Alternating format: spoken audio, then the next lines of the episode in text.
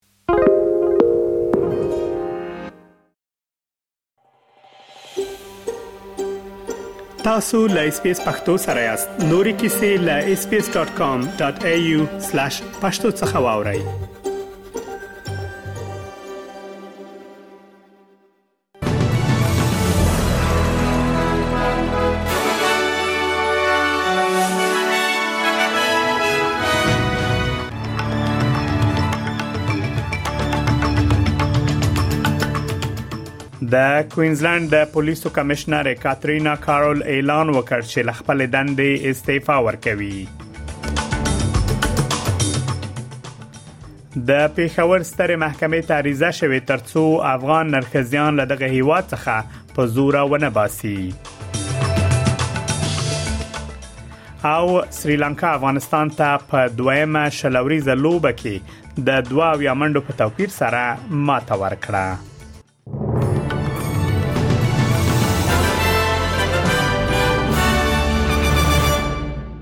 اوس هم پام وکړئ بشپړ خبرونه ته د استرالیا د دفاع وزیر ریچارډ مالز اعلان کړی چې استرالیا به د 350 میلیارډ ډالر په لګښت نورې کوچنۍ جنگي بیړۍ واخلي او د لوی الوتکو د برید وړتیا ته به وده ورکړي همدارس به د سمندري بیړۍ سطح دوه چنده کړي او د اختیاري عملي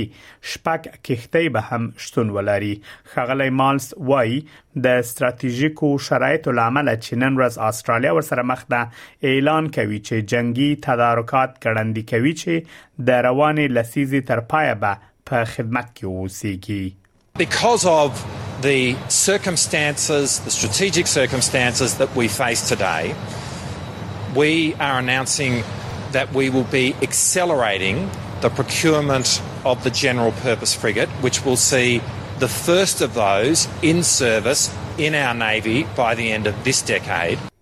د کوینزلند د پولیسو کمشنر کاترینا کارل اعلان وکړ چې ل خپل دندې استعفا ورکوي هغه وایي چې هغه به د خپل 15 کلن تړون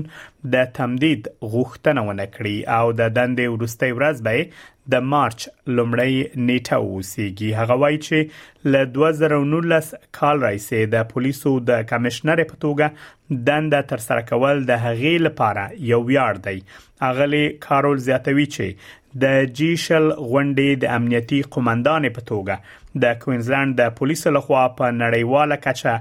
د مسلکي توپ څرګندولو ته حیران شوی و او هغه په مسلک په مسلک کې یو مهمه پړاو و هغه زیاتوي چې د کوینزلند د پولیسو پر وړاندې یقینا چې خندونه شته مګر اصلي لاستراوړنه دا ده چې نور هم دغه پولیس پورته تللی دي As commander of security of G20, I was blown away at the professionalism shown by the QPS while on a world stage. For me, that was a significant milestone in my career and an absolute privilege to be a part of. As Commissioner of Police, there has certainly been various challenges thrown at the QPS. But the real achievement is how we have risen above.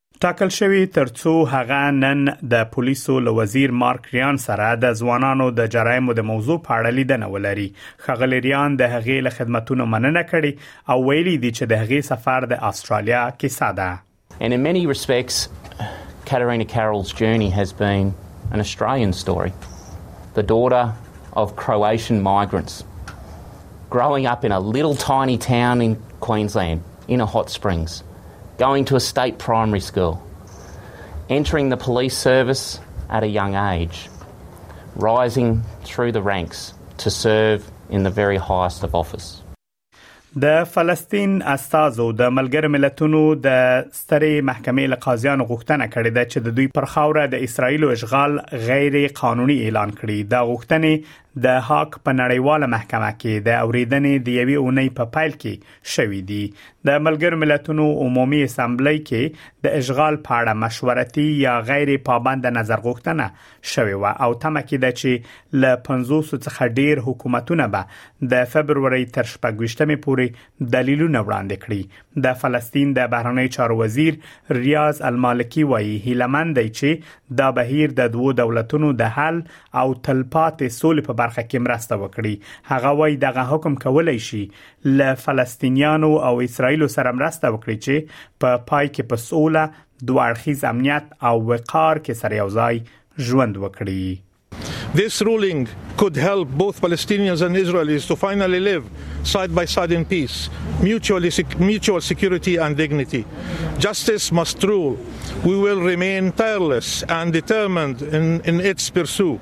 Palestine and the Palestinian people are not alone in this march for justice. په غزه کې د توترخوالي ورستۍ زیاتوالی د حماس لخوا په اسرایل او د اکتوبر د ومه لبریدونو ورسته رامنځته شوی او سول ته لار پیچلې کړې ده همدارز د اسرایل لمړي وزیر بنیامین نتنیاهو یو ځل بیا پر غزې د خپل پوځي برید د کمولو او د فلسطیني دولت په رسمیت پیژندلو لپاره د نړیوال ټولنې فشارونه رد کړي دي هغه وای فلسطینیانو ته د یو دولت ورکول به د اکتوبر په ومه د حماس په مشرۍ د تاوتریخوالي د اعمالو بدل کې انعام وي په کوم کې چې 1200 کسان ووژل شول له هغه وخت راځي پر غزې د اسرایل برید د سیمه ایزو روغتيایي چارواکو په وینا نږدې 29 سره فلسطینیان وژلي او د تاوتریخوالي کمیدو لګ نخې نخانه لیدل کیږي هغه څلور کسان چې د دوشنبه په ورځ د سیدنی په رویل بوتانیکل ګارډن کې د شدید طوفان څخه د پناه اخیستلو پر مهال د برېښنا لامل زیانمن شوی و خه صحت لري دغه کسان چې یوې ونې لاندې د الماسک یا تندر پر مهال پناه اخیستې و د برېښنا لامل جوړل شوی او بیهوش شوی و راپورونه کوي چې د دغه ټولو کسانو عمرونه ل 13 کلونو څخه کم و د نیو ساوث ویلز ایالت د امبولانس خدماتونو څخه دومینیک وانګ وایي چې ل پیښې وروسته دغه کسان په عاجله توګه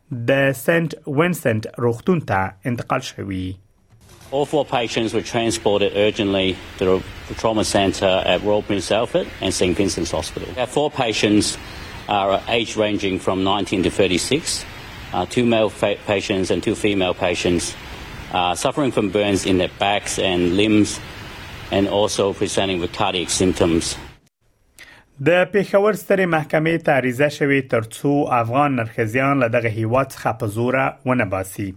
د پیښور سترې محکمې ته ویل شوې چې د افغان نرخزیان ژوند په افغانستان کې په خطر کې دی او باید له پاکستان څخه ونه ایستل شي اوس مهال په پیښور کې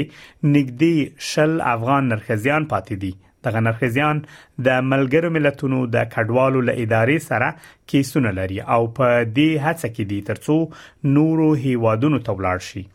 د هوریا انوري په نوم افغان نرخیزی چې اوس مهال په پا پاکستان کې د افغان نرخیزیانو د حقونو لپاره کار کوي وایي چې اوس مهال په پا پاکستان کې ولس نرخیزیان شته چې ل یو ان ایچ سی آر سره کیسونه لري او غواړي نورو هیوادونو ته ولاړ شي. چې عریضه خو مونږ کړی وه تقریبا مونږ اوولس خواجه سراو د افغانستان. هغه کې دا ذکر شوی دی تر څو پورې چې زمونږ د یونیسیار کیسونه کې مونږ ځان خپل ځان راجستر کړی تقریبا شل کسان اوولس کسان یو یونیسیار ادارې سره هم ځان راجستر کړی دی د بهر ملک لپاره. ځکه دلته پاکستان حکومت هم مونږ ته دغه شناختی کارت نه راکې یعنی سټیزنشپ نه راکې د پاکستان او افغانستان کې هم الته نشو اوسېدې د غیزې نه مونږ خپل را تختیدلی یو او دلته د پولیسو له خوانه تنګ یو د خلکو له خوانه هم آزار وزید د مونږ لپاره نو درخواست هم دا وکړو چې تر څو چې زمونږ دا کیسونه پروسس کیږي که هغه یو کال وخت اخلي که دوه کاله که درې کاله زمونږ لپاره د اقامت یعنی دومره زمينه برابر شي چې مونږ ته د آزار وضعیت د شکنجه چې کیږي دا ونه شي دا هم یو ورزشي خبر سریلانکا افغانستان ته په دویمه شلوریزه لوبه کې د 22 منډو په توپیر سره ماته ورکړه په دویمه لوبه کې افغانستان د ټاس له ګټلو وروسته د توپ اچونې پریکړه کړې سریلانکا افغانستان ته یو سلو اتات یا منډې هدف ټاکلی مګر د افغانستان ټول لوبغاړي په یو سلو 15 منډو سوځیدلی او هدف یې پوره نه کړ د دغه لوبي په ګټلو سره سریلانکا د شلوريزو لوبو سیریز هم په خپل نوم ثبت کړ تر دې وړاندې سریلانکا له افغانستان څخه د یو ورځنۍ لوبو او یوې ټیسټ لوبي یو ټیسټ لوبه هم ګټلې و ټاکل شوې ترڅو د سریلانکا او افغانستان ترمنځ ورستۍ شلوريزه لوبه سبا ترسره شي.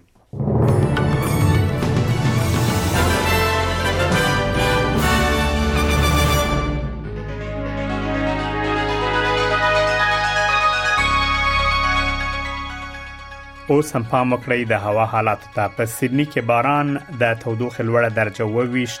ملبن کې نیمه ورځ د تودوخې لوړه درجه وویشت پرت ښار کې ډیره لمر د تودوخې لوړه درجه نه دیرش په اډلیډ کې وریځ د تودوخې درجه 15 دیرش هوبارت کې وریځ د تودوخې لوړه درجه 15 کانبرا کې باران د تودوخې لوړه درجه 15 په نیوکاسل ښار کې باران د تودوخې لوړه درجه 24 په برزبن کې هم باران د تودوخې لوړه درجه 29 په داروین کې هم باران وریږي د تودوخې لوړه درجه دوه دېرش او له استرالیا څخه بهر په کابل کې لمر د تودوخې لوړ درجه دوه او ټیټه منفي لس په پیښور کې لمر د تودوخې لوړ درجه اتلس او ټیټه هم اته